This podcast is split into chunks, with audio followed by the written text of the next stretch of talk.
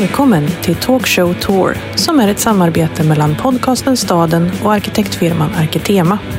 Talkshowen spelades in inför publik i Göteborg en kväll i augusti 2023. Eh, tack så jättemycket. Vad roligt att få vara här. Eh, jag heter Dan Hallemar. Jag eh, har en podcast som heter Staden. Och den podcasten eh, har vi firat tio års jubileum i år.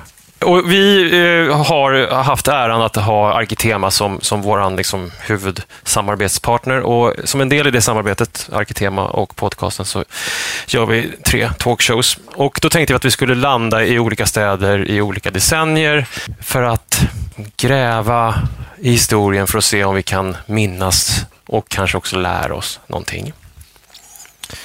Och idag så ska vi landa i Göteborg på 1970-talet och vi har bjudit in ögonvittnen. Det är viktigt. Men för att prata om Göteborgs 1970-tal så behöver vi backa till Göteborgs 1800-tal. Jag är ledsen för det, men det kommer gå fort. På 1800-talet är Göteborg landets främsta exporthamn. Det går fruktansvärt bra för Göteborg under 1800-talet. Många människor blir väldigt rika i Göteborg på 1800-talet. Många av de rika är också från Tyskland, från England, från Skottland. Staden är en mångkulturell hamnstad, men den är också extremt ojämlik och fattig. Det är de liberala krämarnas, borgarnas stad. Och det är klart att man får ett Grand Hotel mellan tågstationen och Brunnsparken i kvarteret Härberget komplett med ståtliga figurer, muskulösa atlanter som smyckar fasaden. Eh, ni kan hålla det där huset i minnet, eller åtminstone platsen i minnet, kvarteret Härberget. Vi ska återkomma till det. De här liberala borgarna som kom till Göteborg på 1800-talet, de byggde staden och mycket av den moderna staden. 1874 så byggde den liberala arbetarföreningens hus på Nya Allén med kortsida mot Järntorget, delvis finansierat av den skotsk-ättade borgaren Robert Dixon. Det var ett liberalt försök att ge arbetarna någonstans att vara, men inte riktigt precis vad som helst. 1882 så ville August Palm hålla det första socialdemokratiska talet i Göteborg i den liberala arbetarföreningens hus, men då sa de nej, för de såg ner på arbetarnas egen organisering.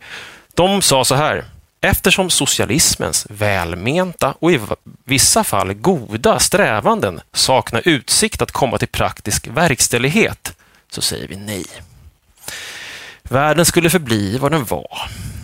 Jag vill också att ni kanske håller den här politiska oviljan att ge plats för andra åsikter eller kulturella inriktningar i hus i huvudet, för vi ska återkomma till det också. Innan vi lämnar 1800-talet så ska vi till ett hus till. Jag ska nämna att Robert Dixon, denna mecenat, eh, för att fostra arbetarklassen lät bygga det Dixonska folkbiblioteket på Södra Allégatan 4. Också det i närheten av Järntorget och Haga. Byggnaden, influerad av de medeltidsromantiska idealen, rikligt detaljerad med granit och kalksten. Jag vill att ni också håller det här huset i minnet. Under den tid som vi ska prata om skulle det nämligen få namnet Hagahuset. Nåja, trots tvivlen på att socialismens välmenta strävanden aldrig skulle komma eh, i, bli verklighet så kom det naturligtvis att bli så till slut i Göteborg, inte minst som under 1900-talets första årtionden påbörjar sin väg mot att bli den socialdemokratiska stad som den ska bli under den tid som vi kommer att röra oss i. En tid, 1960 och sen 1970-talet, där det finns ett starkt motstånd mot den här socialdemokratin, men det finns också en socialdemokrati som faktiskt har en vilja att inte nödvändigtvis konfrontera de unga människornas drivkrafter och önskemål, utan också förstå dem. Och då, mina vänner, är vi framme vid 1969. Och då vill jag att ni alla föreställer er den svenska utbildningsministern, socialdemokraten Olof Palme, som får en fråga från folkpartisten Märta Björsjö att starta ett experimentgymnasium i Göteborg. En skola där eleverna skulle ha fullt medbestämmande, alla beslut skulle tas på stormöten, en röst för alla. Utbildningsministern säger ja. Och med Märta Björsjö i ryggen fick tre elever 1969 nycklarna till den tomma Odinskolan byggd 1919 som eh, folkskola vid Stampen. Och det här nya experimentgymnasiet med total platt medbestämmande demokrati kunde öppna. Och, mina vänner, vi har två av eleverna här. Välkomna Karl-Ingmar Gasleben och Dan Söderqvist.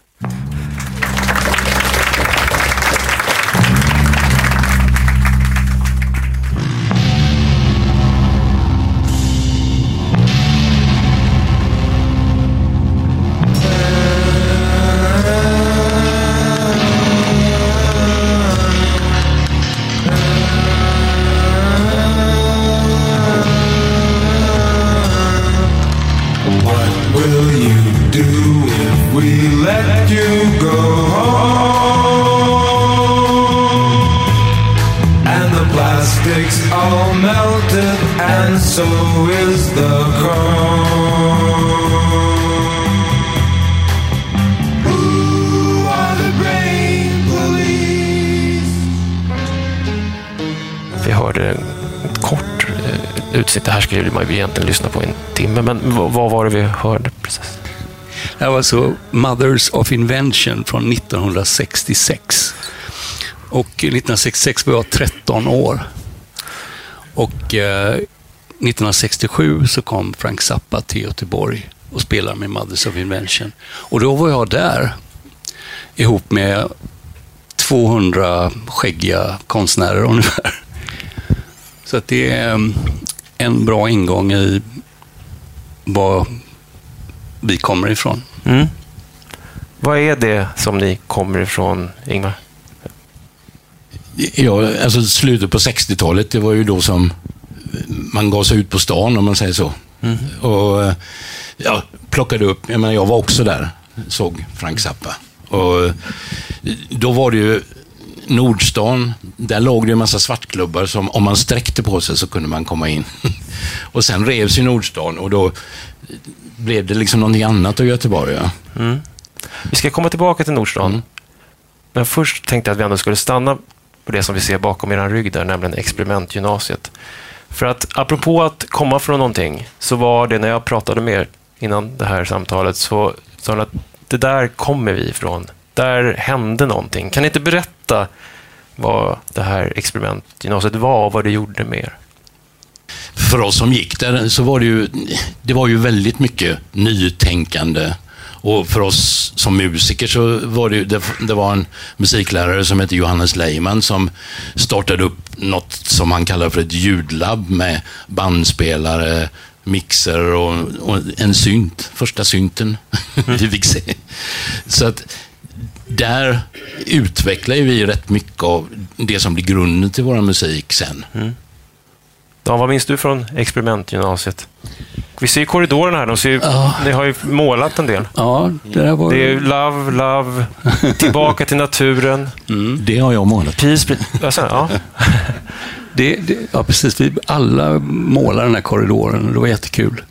Nej, men vi kom ju från, alltså det, jag tänker den här tiden som var då, 69, det är, alltså hippievågen är ju full sväng i Göteborg. Det är jättemycket folk som lyssnar på märklig musik och, och så att säga, många då som är intresserade av den typen av grej samlas på experimentgymnasiet. Och jag kommer från Frölunda och där var det liksom inte alls så. Så att när jag kom in till stan och på gymnasiet, man är 16 år och så träffar man massa människor som är som en själv lite grann. Mm. För första gången kanske. Det var en enorm uh, känsla. Mm. Och vi, vi, hade, vi, vi, skulle kunna göra vad som helst tyckte vi. Och det mm. gjorde vi också. Men det fint det där. Den var alltså öppen mellan 1969 och 1975, det här experimentgymnasiet. Sen lades experimentet ner. Allt kanske normaliserades, jag vet inte. Men vi skulle kunna kliva ner i den där ljudstudion och faktiskt lyssna på vad ni, vad ni pysslade med där nere. Ska vi höra en bit ur uh, Atlantis?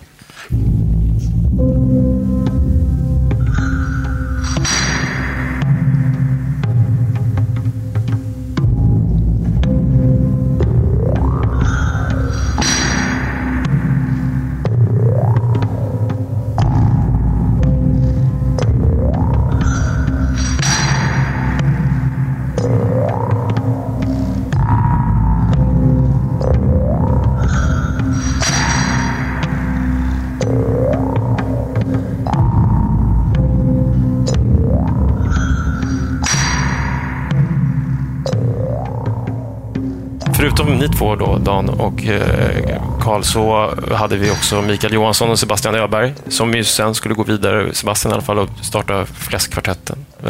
Och eh, Mikael Bojén. För min del, så jag och Mikael Bojén startade ju någonting som heter Anna själv tredje, mm. som eh, vi turnerar med en hel del. Så det här, det här är ju liksom ett samarbete mellan honom, mig och Dan i, i grunden. När det gäller Anna själv tredje så var det ju väldigt mycket så att allt som vi gjorde, gjorde vi i den här studion eh, på experimentgymnasiet så länge vi gick där. Mm. Det var ju till och med så att vi repade där inför turnéerna och sånt. Mm. Mm. Det är ju de här liksom, rummen som öppnas i staden där, där, där sånt här kan uppstå är ju otroligt viktiga, har vi ju förstått. Det förstod vi också när vi var nere i Malmö på 80-talet, så att säga. Men om vi skulle röra oss genom Göteborg, eh, om ni skulle liksom guida oss genom Göteborg i skiftet 60-70-tal. Man går på experimentgymnasiet, man kanske lyssnar på Mothers of Invention, man har börjat göra egen musik. Vart, vart tar man vägen i, i stan? Vart, vart, vart, rör man sig någonstans? Ge oss en bild av vad det, vad det är ni rör er emellan. Du nämnde innan Nordstan. Man var lite för ung för att hänga på det. Men Q Club fanns ju i Nordstan och den flyttade ut till Kungstorget sen. Och det var ju ett av de ställena man hängde. Sen hände det ju saker. I Gårda fanns det ett ställe som hette Rockers som var en, annat, en annan klubb. Det är mycket senare i och för sig. Det är ju slutet på 70-talet. Okay. Ja. ja. Men, men, vi har ju också det som när jag växte upp då så jag, jag, flyttade in i något som heter Kaverö som var ett av de allra första områdena i Frölunda som byggdes i början på 50-talet och eh, jag flyttade dit när jag var ett år. Och då var det liksom bara landet här Frölunda där alla de här höghusen var. Det var liksom kor och lagårdar och sånt. Sen så började det i början på 60-talet och så kommer allting som byggs här. Det är enormt stora mm, mm. byggnationer. Alltså, det fanns ju ingenting för oss när vi växte upp där. Nej. Att göra och så. Och, och, man hängde bara ute på lekplatserna. Och, så att när man började komma in till stan och man, man eh, jag var kanske 15-16 i slutet där på 68-69, eh, då, då fanns det ju, det första jag kommer ihåg från den tiden är Avenyn 18, som eh, eh, gjorde någonting som heter alternativ jul. Aveny 18 är, e ligger ju på Avenyn, nummer 18 såklart. Och det är återigen, jag talade om Göteborgs 1800-tal, den rikedom som fanns i staden och någonstans under det här långa socialdemokratiska 1900-talet, 60-70-talet, Frölunda byggs, förstäderna byggs, folk lämnar ju innerstaden, flyttar ut till för, de nya förstäderna och de, husen i innerstaden överges ju i viss utsträckning. Och Avenyn 18 är ju ett patricierhus, ni ser det till höger där. Det är som ett eh, antikt Rom, eh, som, en bit antikt Rom som står där. Och, eh, som ägdes av Systembolaget, statliga Systembolaget, eh, som ville riva. Och Det här är också intressant och det pratar vi naturligtvis ofta om. Vi ser till vänster här så ser vi ju eh, eh, början på bygget av Nordstan eh, flygbild uppifrån där vi ser hur liksom, man börjar riva de här ställena. Men det är ändå intressant att rivningar är ju det som präglar, rivningar och övergivna hus är det som präglar det Göteborg som jag förstår att ni rör er i. Och Avenyn 18 och Alternativ jul som liksom tog sig an det här huset eh, var ju studenter från Valand eller Chalmers som, som, som liksom ville göra det här till ett allaktivitetshus. Och Alternativ jul var ju också en spännande sak eh, eftersom att Sverige var någonstans, och kanske framförallt Göteborg, ett fullbordat folkhem. Alla hade allt de behövde, tänkte man. Men det fanns ganska många som hade fallit igenom mellan liksom, skyddsnäten i det här folkhemmet. Människor som var hemlösa, fattiga, ensamstående. Och de här alternativa jularna handlade om att ta hand om dem. Och då gick man in i det här gamla patriciepalatset på Avenyn och bjöd in dem och hade jul. Och sen skapade man det här allaktivitetshuset. Och dit kom ni? Alltså vi startar Älgarnas trädgård i mitt fall. Eh, I princip så träffar vi de människorna som, som skulle bli Älgarnas trädgård. Vi träffades på eh, Avenyn 18.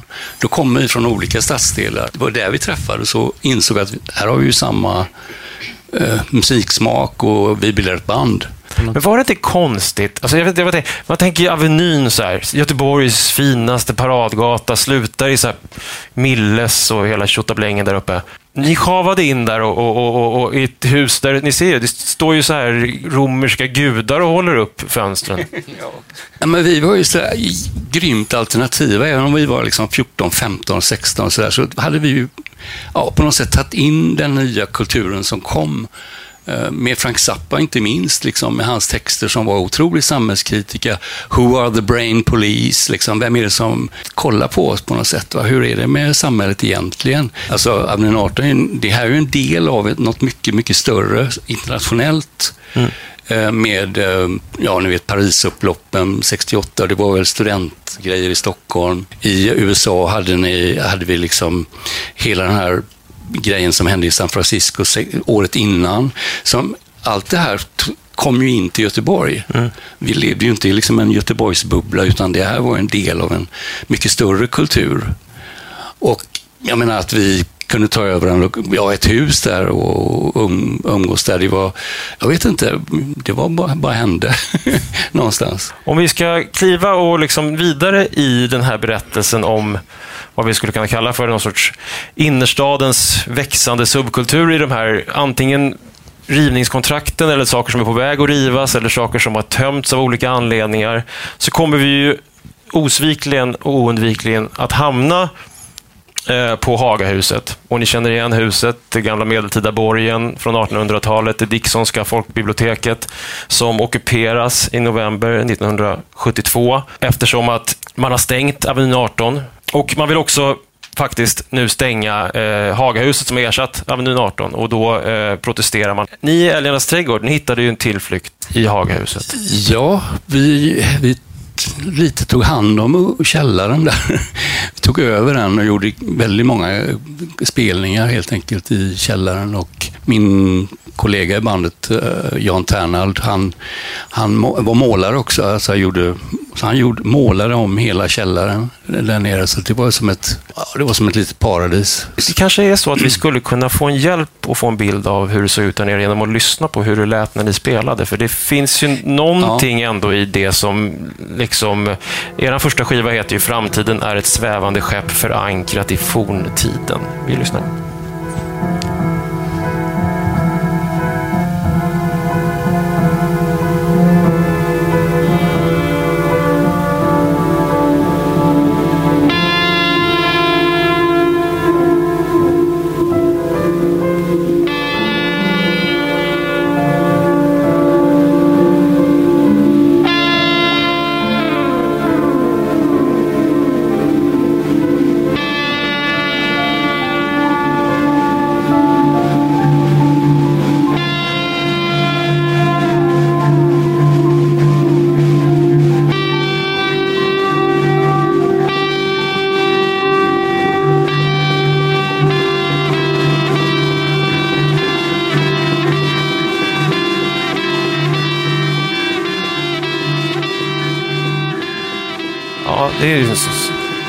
Svensk psykedelia, eller? Ja.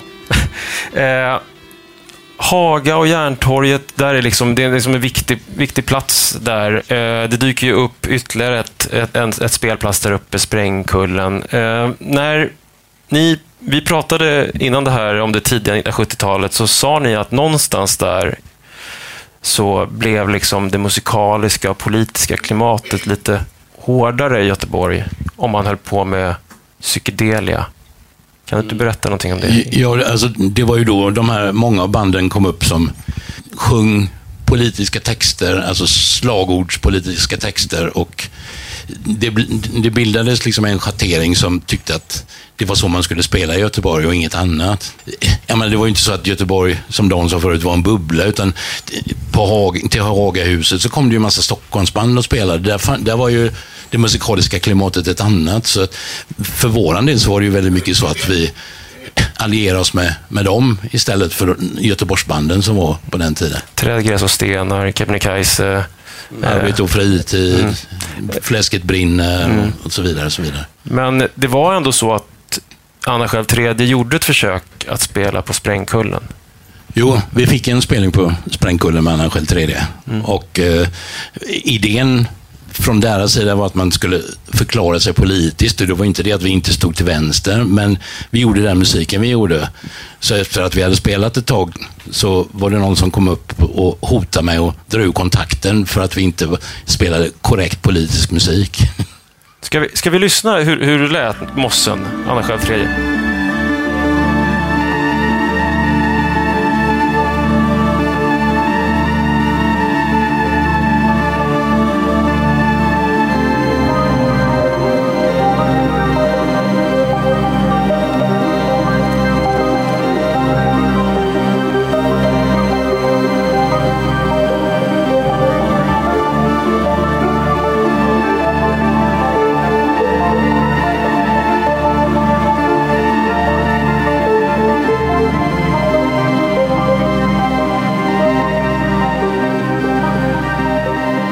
Min bild av Göteborg på 70-talet och en av de stora anledningarna till att jag faktiskt överhuvudtaget egentligen ville att ni skulle komma hit, det var ju att jag ville som segla förbi de här värsta eh, stereotypiska bilderna av Göteborg på 1970-talet som har publicerats i film efter film och bok efter bok om ett ärrare som, som, som är arga och lite löjliga och, och fåfänga i sin politiska kultur. Att prata om ett annat Göteborg.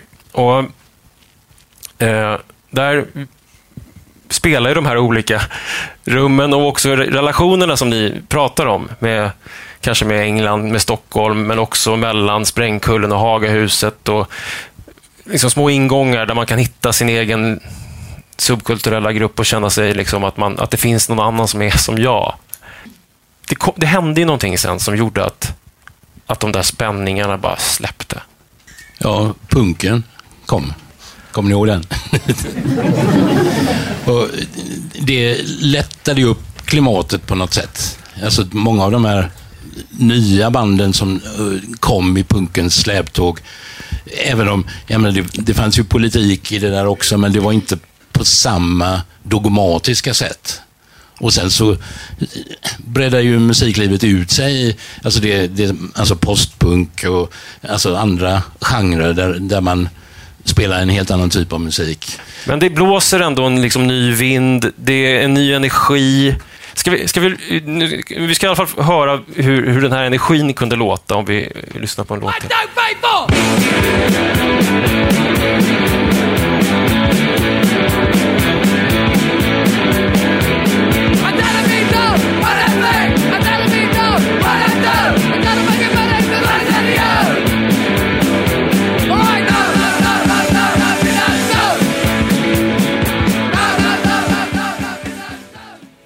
Ja.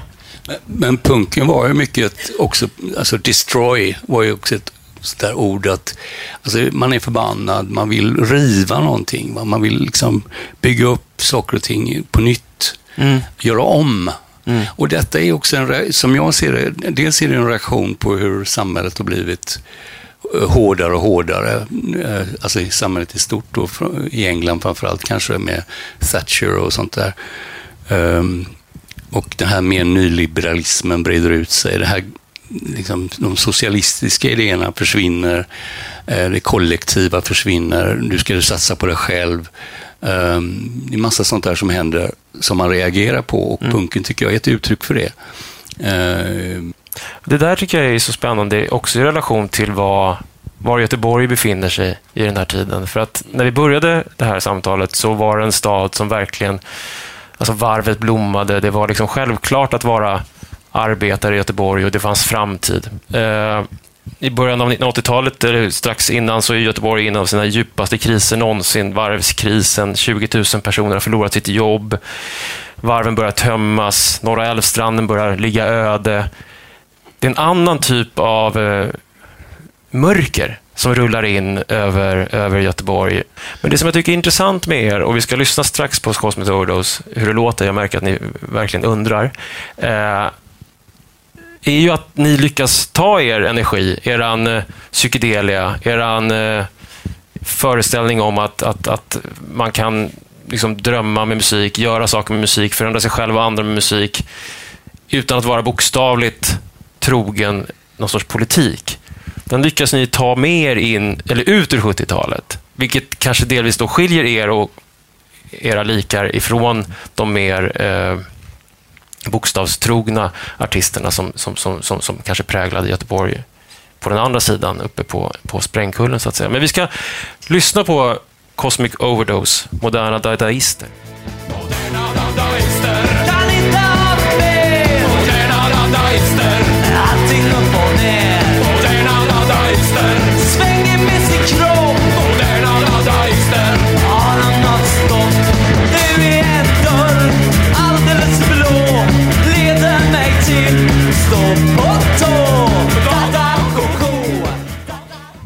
Det är ganska mycket av det där punkiga som faktiskt följer med in i Göteborg ganska långt in på 80-talet och egentligen längre än man kanske tror. Vi håller den liksom, tanken i huvudet och avslutar med den sen. Och så tack för er berättelse. Mm. Tack själv.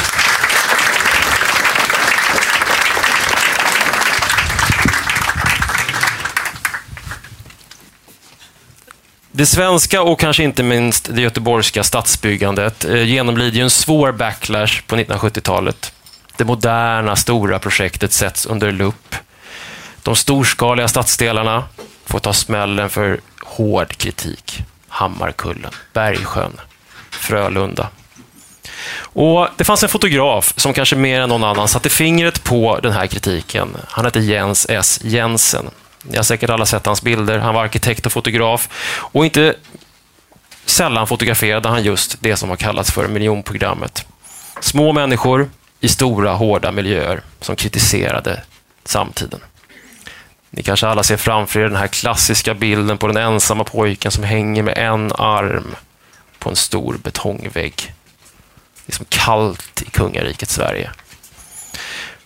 Och om man skulle fråga de här unga som då drev runt i de nya förstäderna eh, på den här tiden, som skildrade det som Jens Jensen kanske ville skildra och berättade den historia som han berättade, så skulle det kanske kunna låta ungefär så här.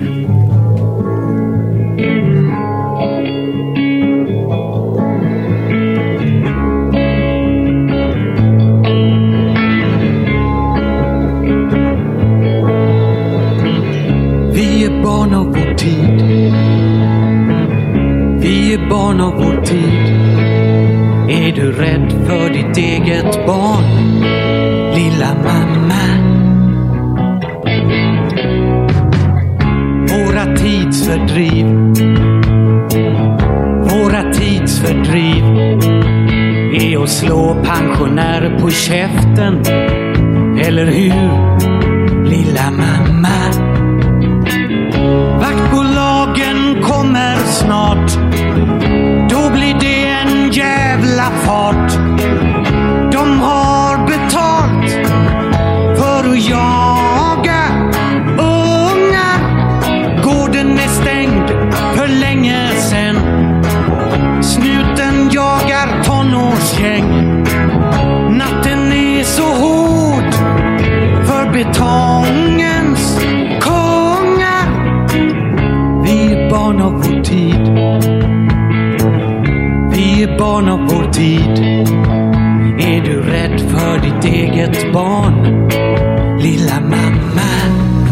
Målas upp en otäck bild. Det finns demoner och skuggor där ute bland betongen. Det är ett samhälle som har förlorat de unga. Det är tindertrasor.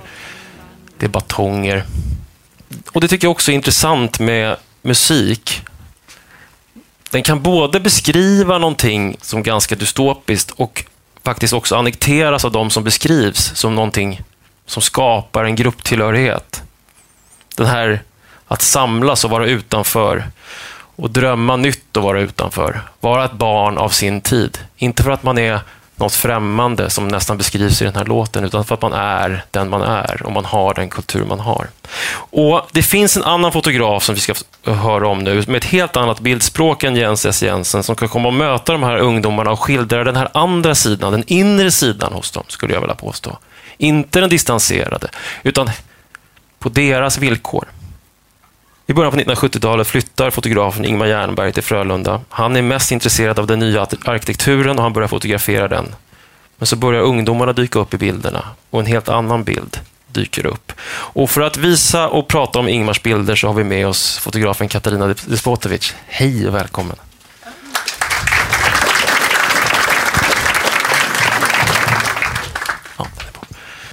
Du ska få börja och berätta vad vi Börja någonstans, Katarina. Ingemar flyttade faktiskt till Frölunda 1968 eh, i en studentlägenhet.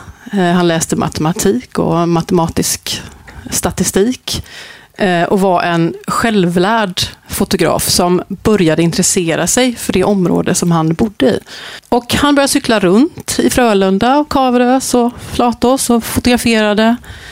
Eh, och jag har ju trott hela tiden, jag har känt Ingemar sedan slutet på 80-talet och jag har ju hela tiden trott att skälet till att han gjorde det var att han var intresserad av arkitektur. Eh, för att han är en person som, han har fotograferat mycket arkitektur, han tycker om eh, det, så att säga. Men det visade sig att det var inte alls det. Utan det som han letade efter var de perfekta kompositionerna. Och det han själv säger är att han cyklar runt och överkomponerade bilder. Eh, det vill säga leta efter kompositioner som var helt perfekta. Skuggpartier. Eh, jag skulle nog vilja säga att han inte, han själv säger att han överkomponerade, men jag tycker nog att han, han är ett geni på att komponera bilder och är fortfarande det. Så att, eh, men det var det som var hans initiala intresse och i det att han gjorde det, så först började han fotografera byggnader och skuggor och eh, proportioner, vinklar. Eh, arkitektur lämpar sig ju väldigt bra för det om man letar efter den perfekta kompositionen. Mm, jag tänker särskilt den här tidens arkitektur som är liksom ganska tydlig. Det är liksom räta skuggor och det är gärna tallar. Det är tydligt, liksom. det är inget jox liksom, sådär så mycket. Det här är Smaragdgatan 1974. Det är Göran och Eddie som sitter i trädet. Men eh, vad händer sen då? Men sen börjar han... Eh, eh, alltså han är ju en ganska eh, blyg person eh, egentligen. Ingemar är fortfarande ganska blyg. Eh, men de barn och unga som eh, träffade honom i Frölunda blev nyfikna på vad han gjorde och eh, närmade sig och sa så här, men fotografera mig, ta bilder på mig. Eh, och liksom blev engagerade i hans fotograferande. Och så började en ganska lång relation mellan honom och en ganska stor grupp ungdomar eh, i Frölunda. Då. Det här är också Eddie faktiskt. Med ja, man kan ju se Eddie här. Han sitter liksom på nästan så här, vad ska man säga, det är lite Marlon Brando i Storstadshamn-stuket på hur han håller sin cigg. Liksom. Han har sett en bild av hur man håller ciggen. Han, han vill bli fotograferad. Jeansjackan och ciggen. Och, någon har sett honom liksom, och han vill visa upp vem han är. Och det här är också en sak, så Ingemar eh, var ju själv gymnast eh, och tränade gymnastik i Tynneredsskolan. Eh, och det som han har berättat han, att han blev eh, eh liksom tagen av, det var den här akrobatiken som han såg bland de ungdomar som bodde där. Som hoppade mellan, liksom som hit, klättrade på ställningar och upp på små tak och i träden och sådär. Eh, så att han har massor med sådana här eh, bilder med den här typen av, liksom, vad vi skulle säga, någon slags parkour kanske. Jag vet inte. Ja, det här är Ann som hoppar bland stjärnhusen 1976. Hon tar ett språng ut från ett tak och hennes liksom, kjol eh, fladdrar och pumpsen, man är lite orolig för hur de ska ta emot pumpsen ska liksom lyckas ta emot fallet, för det är ganska långt ner. Det är typ, ändå typ två meter. Minst. Här är fler som hoppar mellan de här, vad jag förstår, bygglekarna som fanns där och de återkommer ju i Ingmars bilder. Det här där barn och unga själva kunde bygga grejer som inte var färdiga lekplatser som man skulle knö in sig i, utan där man fick skrota runt och spika ihop. Lite så här proto-Lars Vilks. Mm. Ja, men Ingemar följer också de... Uh, eh, alltså det är ganska många unga människor som han följer. Det är inte 5-10 pers, utan det är liksom 30-40 personer som han följer under ganska lång tid. Uh, och se dem växa upp. Och hur de, han är liksom med i deras lek och får liksom bevittna deras lek. Och han får bevittna hur de använder uh, sin plats och sitt hem. Uh, och Jag skulle vilja säga så här att Ingemar var ganska befriad ifrån han hade liksom ingen åsikt riktigt om miljonprogrammen eller om arkitektur på det sättet. Han hade inte någon idé om att det här är fint eller fult eller bra eller dåligt eller sånt där. Utan han liksom struntade helt enkelt i det. Han hade inte med sig den frågeställningen. Så att eh, hans bilder är ju, tycker jag, tycker jag visar det, att de, de är liksom inte... Eh, att han är fokuserad på leken och han är fokuserad på det som de gör, det som de bygger och skapar, liksom, de förutsättningar som finns där. Eh, men det finns ett annat stråk, tycker jag, som är intressant i hans bildsvit där. Och det tycker jag också liksom kopplar lite grann till, till det som ni pratade om tidigare här, nämligen vuxenblivande. Att växa upp någonstans på en plats som är helt ny. Att egentligen behöva skapa hela historien själv. Ingen har varit här före mig. Jag kan liksom inte kliva ut i så här, jo, och det finns gamla trähus från 1600-1700-talet, utan allt är nytt. Jag är den första invånaren. Det är som att komma till månen på ett sätt. Det är våra historier som, kommer, som är de första historierna som kommer härifrån. Mm. Och man känner att det här första vuxenblivandet, det är otroligt fint eh, fångat i hans bilder tycker jag. Det här, det här är ju en bild som jag tycker ganska bra beskriver Ingemars relation till eh, de här unga människorna. Eh, det här är ju ett gäng grabbar då som initialt inte hade på sig de här mössorna, eller hade liksom inte dragit ner mössorna över ansiktet. Eh, och Ingemar fotograferade och sen så sa de till honom så här, så drog de ner liksom för att reta honom, för att skoja lite med honom. Och så tog han den här bilden eh, och så lät han det vara så. Liksom. Eh, han poserar inte någon, han poserar inte dem, han bad inte någon göra någonting sånt där. Men han har hela tiden en väldigt så här, lekfull relation med de som han fotograferar. Och Den här tycker jag är väldigt gullig, att de har så här, lite så här, drar ner lite så här gangster looken där med sin lilla boll på huvudet och sina gulliga randiga mössor. Ja, de leker ju också på något sätt, uppfattar jag i alla fall som, med den kanske liksom bild av, av, av det, som, som hade börjat skapas av vilka de var där ute. Vilka som var de andra, vad de skulle leva upp till. Men här, det finns en sorts självironi, en, en en föreställning om den farliga ungdomen som, som de latchar med så där på något vis. De drar ner de här mössorna över huvudet. Men så kommer liksom ton, de första tonåringarna Ja, alltså den här, jag, jag älskar ju alla bilder av Ingemar. Alla de här Frölunda-bilderna tycker jag är helt fantastiska. Men jag, alltså jag kan säga, jag, du nämnde ju Jens Jensen förut och jag, alltså jag är uppväxt i Hammarkull under den här perioden som Jens Jensen fotograferar och kan inte känna igen mig i de bilderna riktigt. Jag tycker om hans bilder, jag tycker om Jens Jensen så, men kan inte känna igen mig i dem. Men jag kan känna igen mig i Ingemars bilder väldigt väl, för att jag kan känna igen den här känslan av med träskor, slänga av sig träskorna och känna så här varma asfalten under föt, barfota fötter och att vara ute och vara, känna den fysiska miljön. Den, att de är så fysiskt nära hela tiden och en del av liksom, eh, sin miljö på något sätt. Det tycker jag är väldigt fint. Det här är en av mina favoritbilder. Det här är ju en sån här eh, eh, Bygglek. En bygglek, ja precis. Där de har liksom transporterat dit byggmaterial och så har de barnen fått bygga saker själva. Eh, och de byggde ju sina fort, alltså de byggde ganska stora grejer. Jag tror det finns någon annan bild här också på Ja, det här är lastpallar och ja. Ogga har, har lagt sig i en solstol framför ja. här med händerna lyfta i någon sorts njutnings... Han är en sandstrandspås. Ja, precis. Fast han är i sandlåda. Då. Ja, precis. Och de inredde dem väldigt fint med mattor och med liksom saker. Det här är inuti? Det här är inuti, ja. Precis. Och de byggde ju helt fritt. Alltså de använde verkligen maximalt eh, det som de dels blev tilldelade då genom de här byggleken med materialet och och sådär. Men också tillförde väldigt mycket själva. Att de liksom fick saker och hämtade saker hemifrån och letade upp saker för att inreda sina fort och sina platser och sådär. Och sen använde de. Men sen vet jag att Ogga också har berättat att de, de brann ju lite grann då och då. Och så byggdes det nytt och så vidare. Där är ju deras egna rum som de har byggt själva. Men det fanns ju och det är också någonting, tycker jag, fint med den här tidens arkitektur. Det finns ganska mycket rum utanför hemmet som man också kan ta sig an om man är lite klipsk och, och liksom... Men så kan man också använda andra rum som finns liksom inuti de här, de här husen. Mm. Det, här, det här är också så här mopp, eh, mycket moppar. Mycket moppar var det. Um, men det fanns mopperum, det fanns skyddsrum, det fanns uh, cykelrum och sådär. Uh, det här är också Ogga förresten. Uh, och just med den här bilden är det, tycker jag det är ganska intressant för uh, alltså de kunde använda de här. Vi kommer se sen lite senare i andra bilder också hur de har inrett en del platser och så.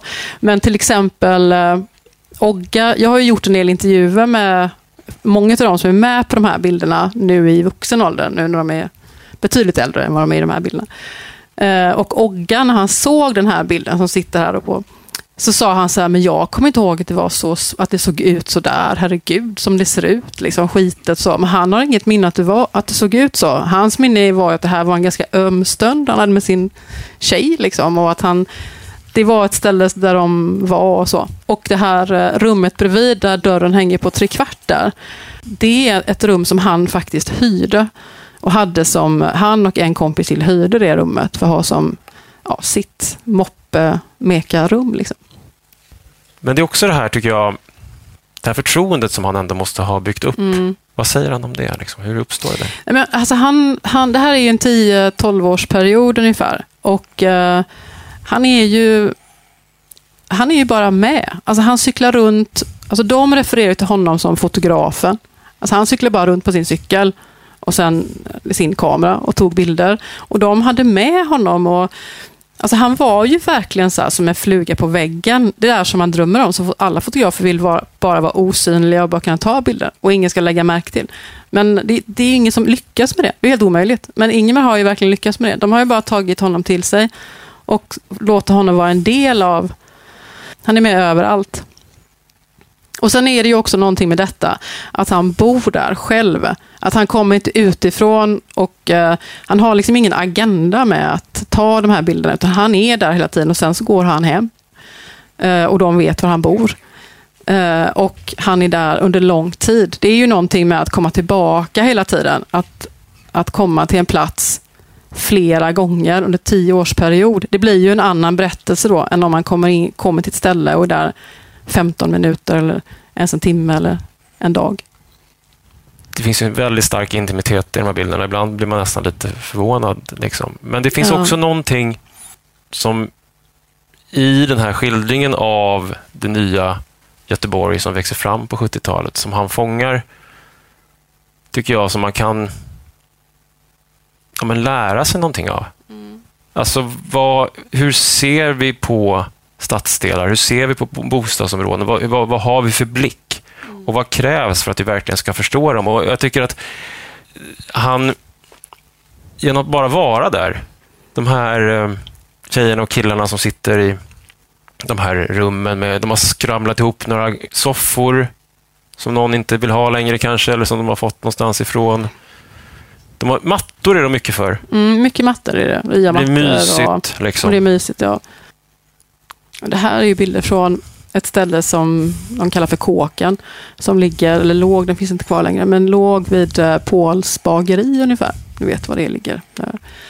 Eh, Och här är ju när de är lite äldre, då har de ju liksom vuxit ur det här att leka på gården och leka i mopperummet. eh, Eller i någon av de här liksom skyddsrummen, inredda skyddsrummen. Då har de ju bilar, eh, lite andra typer av fester. Mm, Ragge och Tony. Ragge och Tony, ja. precis. 1981. Det har blivit 80-tal. Och vi ska eh, strax lämna Frölunda och Ingmars bilder. Men vad skulle du säga, Katarina? Vad, vad, vad ska vi lära oss av Ingmar och hans Ja, sätt att se jag, alltså på? jag tänker så här att det finns flera saker som jag tycker är väldigt viktigt och intressant med hans bilder. Det ena är den här liksom ganska alltså otroligt respektfulla sättet att närma sig eh, en plats och människor på den platsen. Ehm, det är väldigt sällan man ser den typen av berättelser eh, nu. Det, det är oftast så att det liksom är det finns alltså alltid någon slags bakgrundskuliss som handlar om att en förutfattad mening om att den här platsen är Silson. Och det finns alltid någon slags underförstådd fråga om hur, hur hemskt har du det här? Eller hur jobbigt har du det här? Eller hur fint har du det här? Eller det finns alltid någon ganska ledande fråga. Och även som fotograf så, så har man ju med sig den och det märker ju att de som har fotograferat märker liksom vad man har för blick med sig. Eh, så det här liksom förutsättningslösa fotograferandet tycker jag att han har liksom fångat helt eh, fantastiskt. Och sen skulle jag vilja säga så här att, för vi pratade om musik här förut, punken och eh, eh prog och experimentell musik och sådär.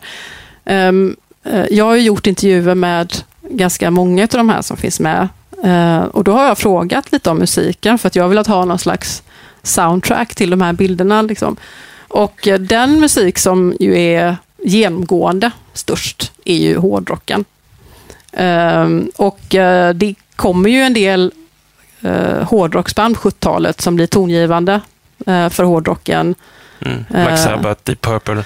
Absolut. Mm. Ehm, så att jag tänkte att jag, jag tog med mig, det här blev faktiskt ett, ett skivomslag, ett band som heter Rödtjut som valde att ha den här, det här är Ingmars bild då, ehm, som skivomslag.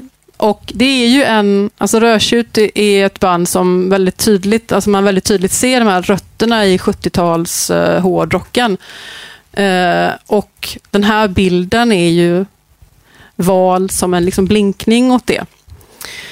Eh, Utan att vara nostalgisk på något vis. Alltså, Utan- hårdrocken, fast inte som en nostalgisk tillbakablick på ett förlorat 70-tal, utan som Nej. någonting... Utan någonting som fortfarande, för för jag, jag tycker att när man ser de här bilderna och, och liksom hör de här berättelserna från dem, så tycker jag att det är mer som att man liksom lite så här blottlägger ett rotsystem snarare än att man kikar in genom en dörr som man sedan stänger igen. Utan det här är någon slags rotsystem som han på ett väldigt förtjänstfullt fint sätt har liksom lyckats blottlägga. Mm, som fortfarande växer och gror på något vis. Mm. Vi ska lyssna på hur eh, hårdrock eh, tolkad idag då med Ingmars bilder i åminne eh, låter.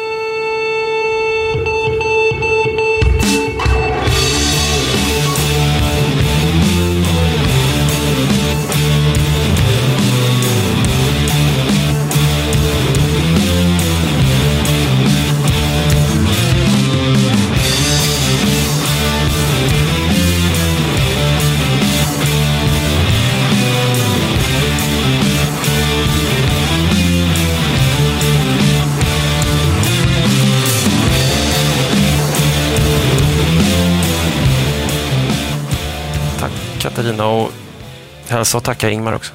Tack så mycket.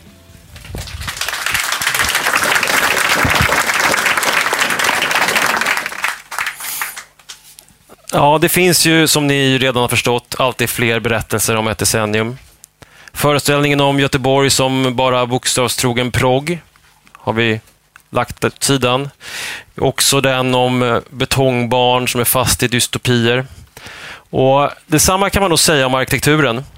Och Nu tänkte jag återvända till eh, den här platsen. Grand Hotel, 1800-talet. Eh, borgerlighetens nöjespalats i närheten av Drottningtorget.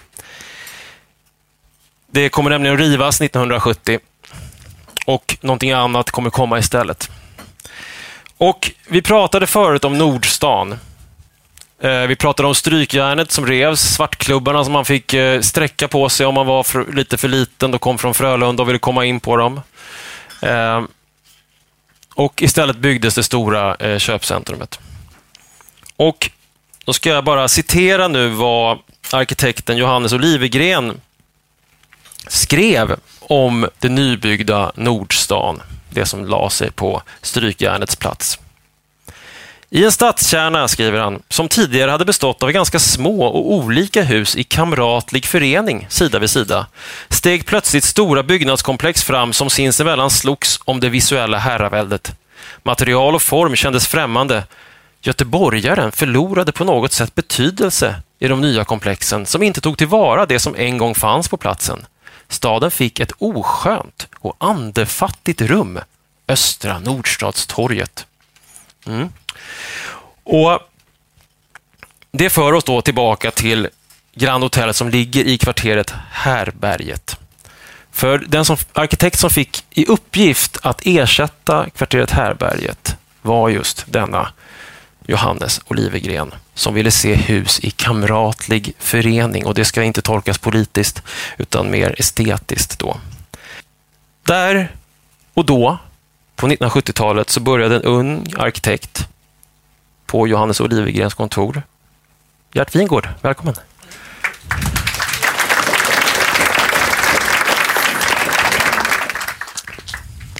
Ta med oss till eh, kontoret som du kommer till. Hur gammal är, vi, hur gammal är Gert Wingård nu? Mm, absolut. Ehm, jag kan börja så här då, eh, anknyta till det jag sa tidigare.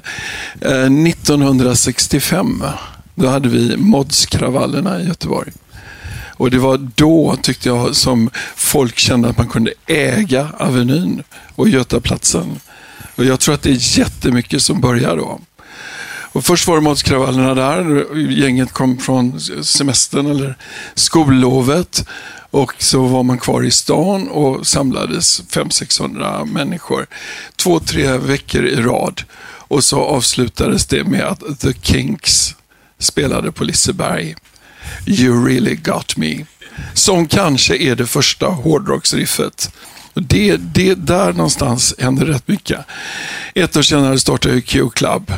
Och Göteborg får ju liksom precis alla band kommer hit. Alla band kommer inte till Stockholm. Men alla band kommer till Göteborg. Det är bara Doors som inte kommer till Göteborg. The Fugs kommer till Göteborg. Tänkte jag att där står ni väl på första raden. Om man inte var med då så, så, tror jag inte man förstår hur mycket musiken betydde. Alltså den, den var liksom verkligen någonting man kanaliserade allt i och det fanns så otroligt mycket aggression i den här musiken, tycker jag. Mm. Eh, det är kanske Jimmy Page som spelar You really got me, riffet. Det påstås det på Youtube. Man vet ju aldrig vad som är sant. Va?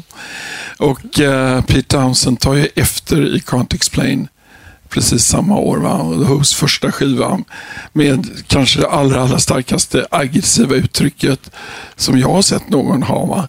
De slog ju sönder instrumenten när de spelade på Cirkus här i Göteborg. På riktigt. 1966. Va? Och det, där var jag, där var ni. Va? Och det, jag tyckte att det fanns en känsla av att allting var möjligt. Det var en total frihet som ju sen någonstans kvävdes av det politiska på 70-talet. Men de där åren 65 till 70 eh, tycker jag var fantastiska år. Och eh, jag är säga ändå 51, du... va? så att jag var då liksom 14 när kravallerna var. Jag var nosade på dem, jag var inte i centrum av dem. Men jag var inne i stan. Och eh, jag var då 19 när eh, alltså 70-talet börjar. Och jag började läsa på arkitektur när jag är 20 då tror jag. Jag, är inte 100% säker på det, men typ. Men finns det, apropå då att söka frihet, att söka sätt att uttrycka sig. Det hit, Ska man välja arkitektur då? Nej. Nej. men jag tänker att du hittar du det hos Johannes Olivegren. Där. Det jag får ja, någon sorts alltså, känsla att det finns en sorts anda där som vill bort eller ut. Ja, alltså min, min, min relation till Johannes Olivegren, det är att han är ju en av lärarna på Chalmers. Och eh, han är inte där. Och eh, det är det som jag retar mig mest på. Liksom, att det så vi var nog eh, inte riktigt kompisar tror jag alls. Va?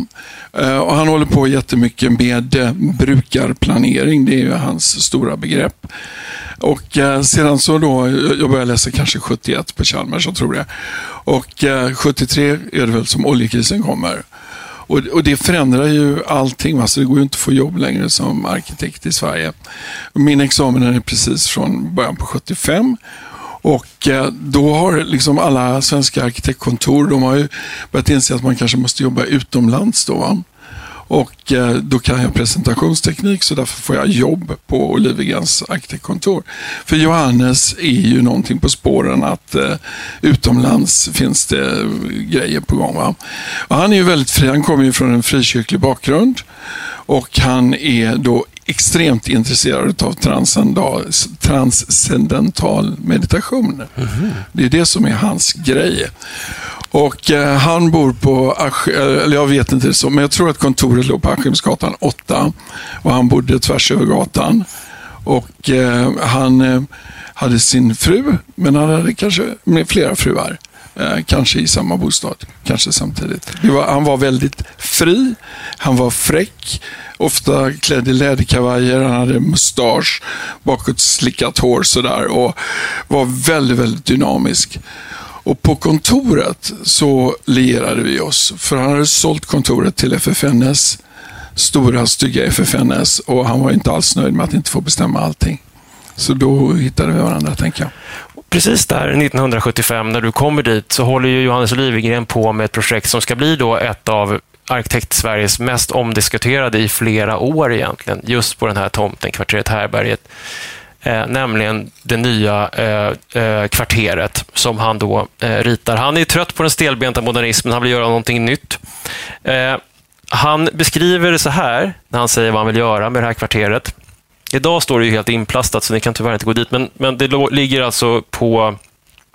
Eh, vad, heter gatan nu? Hamngatan, va? Södra Hamngatan, just det. Och eh, ehm, på vägen mot, mot eh, in från Drottningtorget. Eh, han skriver så här. Vi tyckte det var dags att backa tillbaka lite grann och försöka se var vi arkitekter förlorade kontakten med göteborgarna och stadens byggnadskultur. Det var inte ett riskfritt försök. Nej. Varför var det inte riskfritt? Nej, men eh, alltså arkitekter på den tiden pratade ju väldigt, väldigt mycket om sanna material och ärlighet och eh, konstruktion och sådant. Och det här var ju teaterkuliss. Eh, väldigt duktigt utförd teaterkuliss, men ändå kuliss. Och jag tror inte att Johannes stod på någon postmodern grund. Eh, jag läser ju då arkitektur 71 till 75 och får liksom blir introducerad till Learning from Las Vegas och Reverberatory kanske andra året eller något sånt. Men det tror inte jag att det, det tror jag blåste Johannes förbi så att säga. Utan det är helt och hållet han själv som vill närma sig människor och tycker att eh, det som byggs är omänskligt och han vill göra något intressantare. Och han är ju väldigt, väldigt intresserad som jag sa av det här med brukarplanering. Vilket är att gå ut och prata med människor och fråga dem hur vill du verkligen ha det? Och han gör ju några bostadshus på Hisingen där han liksom har i detalj fullföljt varje persons önskemål. Mm. Och det, det är ju jätteintressant. Va? Men alltså det som är postmodernismen och det som den generation som jag då kommer tillhöra reagerade mot, det var ju den här superrationella arkitekturen som kanske tydligast i garnisonen. Där man ju man skulle bygga mycket i Sverige och man ville göra det så industriellt som möjligt. Man måste studera allting och man bröt ner det till en slags repetitiv ingenjörskonst. Eh, och det tror jag att Johannes eh, verkligen inte gillade. Men det var vad alla arkitekter gillade. Och då blev det lite knepigt och inte riskfritt att genomföra det här. Vi ser några, det är några spår ifrån det gamla Grand Hotel som, som sitter kvar i fasaden, men också nya eh, detaljer, eh, olika taksprång och, och fönster. Eh, eh, och det, det är olika husbredder på de här husen. Det är Alltså, det är alltså ett kvarter som egentligen är uppdelat i många små bitar. Alltså det är ju ett stort rationellt hus med en repetitiv 1,2 meters rytm. Som, det var all, allting studerades utifrån att man skulle bygga hus på 1,2 meter och så anpassades alla material till det.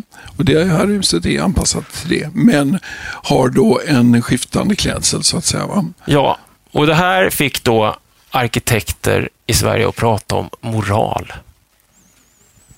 Är detta ens moraliskt? Det är anpassat till den goda smaken. Det är elegant och snitsig fasadutformning, skriver någon. Boris Schönbeck skriver så här. Husen står sida vid sida som mindre och halvstora hus alltid gjort sedan medeltiden och vill ärligt ljuga om vad de föreställer. De vill se vana och inarbetade och inbodda ut som om de vore handelshus eller hantverkshus byggda olika men enligt samma maner eller efter traditionen på platsen. Men kan de leka denna lek? Är det ens tillåtet att leka Absolut. denna? Det, nej, men det, det var det ju inte på något sätt. Va? Nej, men det, det togs emot eh, negativt, ja. Och eh, sen var det ju ett diagonalt handelsstråk genom den. Eh, och det ledde väl inte riktigt någon vart heller, så att det blev väl ingen riktigt kommersiell succé. Om man kan uttrycka det på det viset. Så det var ju ett hus som liksom plötsligt landade där, var där eh, och som man negligerade så mycket som möjligt. Men vi pratade lite grann om, om och du beskriver, det du beskriver lite grann är lite samma sak som, som ni beskrev med musiken, att det fanns liksom en bokstavstrogen modernism, en bokstavstrogen musik, politisk musik, som ni försökte bryta med, som kanske Johannes då som ofrivillig postmodernist Absolut. försökte Ja. bryta med. Men Johannes blev ju postmodern senare och tyckte att det var jätteintressant. Men alltså härberg, jag, jag började på kontoret 75 och då byggs härberget. Och visst diskuterar man tegel och jag minns den konstnärliga utsmyckningen också. Men i allt väsentligt var ju det här satt 73-74 tänker mm. jag. Och eh, då var han inte postmodern eller kunde ta det ordet i sin mun. Och det, det fanns ju inte som begrepp då heller, men idéerna bottnar ju i väldigt hög grad i det som Robert Venturi tydliggjorde i sina två böcker. Då. Complexity and Contradiction och Learning from Las Vegas. Learning from Las Vegas kom kanske 73. Ja. Jag. Och kanske jag tar i här med att, om jag säger att Johannes Liljegren innebar liksom samma liksom push i ditt liv som Kinks eh, på Liseberg eh, 65. Men vad tog du med dig liksom av den här frihetskänslan som ändå kanske fanns här på det här kontoret? Uh, ja, det kan man ju verkligen ifråga. uh, jag tyckte inte heller att kvarteret Härberget var speciellt bra. Eh, så jag var nog inte så inspirerad av det. Men eh, så jag försökte snarare lära vad heter det, Johannes att det fanns någon man som hette Louis Kahn som eh, Venturi hade gått hos. Så att det kanske var mer att söka där. Och vad var det, jag, jag, Johannes har ju också ritat Betlehemskyrkan här i Göteborg. Mm. Ett av de kanske mest kanska hus som finns i Sverige. och det hade han nog också lyckats med utan att egentligen se eller förstå Kahn. Eh, så Johannes var ju en väldigt intuitiv person. Och eh, om det var någonting som vi höll på med, det var väl snarare att titta på Oskar Niemeyer och sånt där och göra väldigt fria former. Då, så att, mm, eh, just det. Men Johannes reste väldigt, väldigt mycket på den tiden jag var på kontoret. Mm. Och jag var där i två och ett halvt år. Ja. Och vad är det, vad är liksom, jag tänker att det är ändå de här tidiga formativa liksom, arbetsuppgifterna. Vad, vad, när du kliver ut där från kontoret, då, om det då är 1977, ungefär samtidigt som punken slår igenom. Vad har jag med mig Vad har du med dig? Ja, att så vill jag inte jobba, tänker jag. Nej, nej, men jag sökte nog också ett eh, djup och en ärlighet som då jag inte tyckte fanns på det kontoret. Nej. Um, och uh, jag, jag tyckte det var intressant med postmodernismen, men uh, kom väl kanske inte rita så mycket i den andan. Nej. Utan, uh, men vad tror du var det som gjorde att, eh, att det ändå, den här, liksom, det här kvarteret och, och den här liksom, det här är ändå en av de första exemplen på... på, på... Alltså, jag tycker ju det här är ett fantastiskt kvarter. Och ni vet ju att det byggs om nu. Va? Och vi, vi var ju arkitekter för det till att börja med. Och sen bytte man. Men jag tyckte det var väldigt tragiskt att det inte var ett skyddat objekt. Därför att det, det står ju verkligen som ett väldigt unikt projekt i Göteborg. Det, det ska säga, intellektuell prestation att ha gjort det här i det här klimatet som var. Eh, men det är ju inte uppmärksammat. Och det är ju ingen som har värderat det. Och det gick ju alldeles utmärkt bra att riva det. Så att säga, man har ju rivit precis så mycket som man ekonomiskt hade av intresse. Va? Och eh, eftersom jag ju då ändå hade lite nostalgi bakåt till det här. Så när jag jobbade med det så försökte jag få någon att se någon form av kvalitet i det. Men det, det var ju ingen som gjorde det. Va? man tycker att det är små fönster, man tycker att det är tråkigt, mm. ointressant. Och det är lite konstigt med någonting som faktiskt är rätt så djupt originellt. Att Djup... ingen ser värdet i det. Djupt originellt och också något av en mot motståndshandling i sin tid. Lite grann liksom som... som, som Absolut, som... han var ju helt enkelt för tidig med att se att eh, byggnader skulle påverka människor. Alltså, det, det, var ju otroligt rationellt det som ritades samtidigt. Va? Mm. Och Det som man kan säga att arkitekter då tyckte var bra, det var väl det som Sven Brole ritade. Alltså de här epigonerna utav Alvar Aaltos marmorhus som var närmast direkta kopior. De tyckte vi arkitekter var fina och konsekventa. Så nu står Göteborg utan detta djupt originella hus och ett hus som också då numera stoltserar med att ändå vara liksom, eh, någon sorts språngbräda för en av Sveriges mest omtalade arkitekter, då, Gert Wingård. Eh, tack för att du kom, Gert. Ja. Vi ska avsluta och avrunda. Eh, jag tänkte, om inte alla ni som har varit med kommer fram, ni ska bara få, ni ska få en kort fråga som vi ska gå ut med här. Eh, och Jag tänkte börja med dig, eh, eh Ingmar. Eh, vad kan vi lära oss av 70-talet? Ja, dels eh, för, vår, för min egen del så var det ju det här med eh, att hålla på det man tror på, inte liksom bara vänta på att någon ska dra ur kontakten. Tack. Dan? Att tro på det som man trodde på när man var ganska ung. Mm. Att fortsätta liksom jobba med det som man gillar och ja, inte ta åt sig kritik man får på vägen utan ta, till, ta den till sig liksom och förbättra sig själv kanske. Så. Mm. Gert? Eh, ja, jag skulle vilja säga nummer ett att jag skulle, eh, det jag har lärt mig, det har jag lärt mig på 60-talet. Och det var ju en tid med en extrem eh, framtidstro och ifrågasättande och en enorm frihet. Mm. Och hur det kunde vändas till 70-talet, där nästan allt detta var motsatt är för mig obegripligt. Va? Och Det är först som väldigt vuxen som jag har blivit politiskt intresserad. Därför jag lärde mig verkligen hata politik under 70-talet. Och Samtidigt så tycker jag att om vi ska ha en demokrati så måste ju vettiga människor ägna sig åt politik. Eh, så jag, jag förstår inte liksom hur 60-talet, som jag tycker var så bra, kunde bli 70-talet, som jag tyckte var ett piss-decennium. Det finns inget att ta med sig helt enkelt. Ja, eh, Katarina, vad kan vi lära oss? Eh, Okej, okay. det är svårt att komma in efter det uttalandet, men... Eh, ja, nej, det är okej. Okay. Nej, men alltså, jag tänker väl... Alltså, jag har en annan blick på 70-talet än att det var ett pissdecennium. Jag, jag gillar ju det här att... Eh, alltså, jag, jag tänkte på det när ni pratade förut, vissa saker som ni tog upp, tycker jag att man ser liksom har kommit igen och som finns liksom, eh, ganska starkt i Göteborg.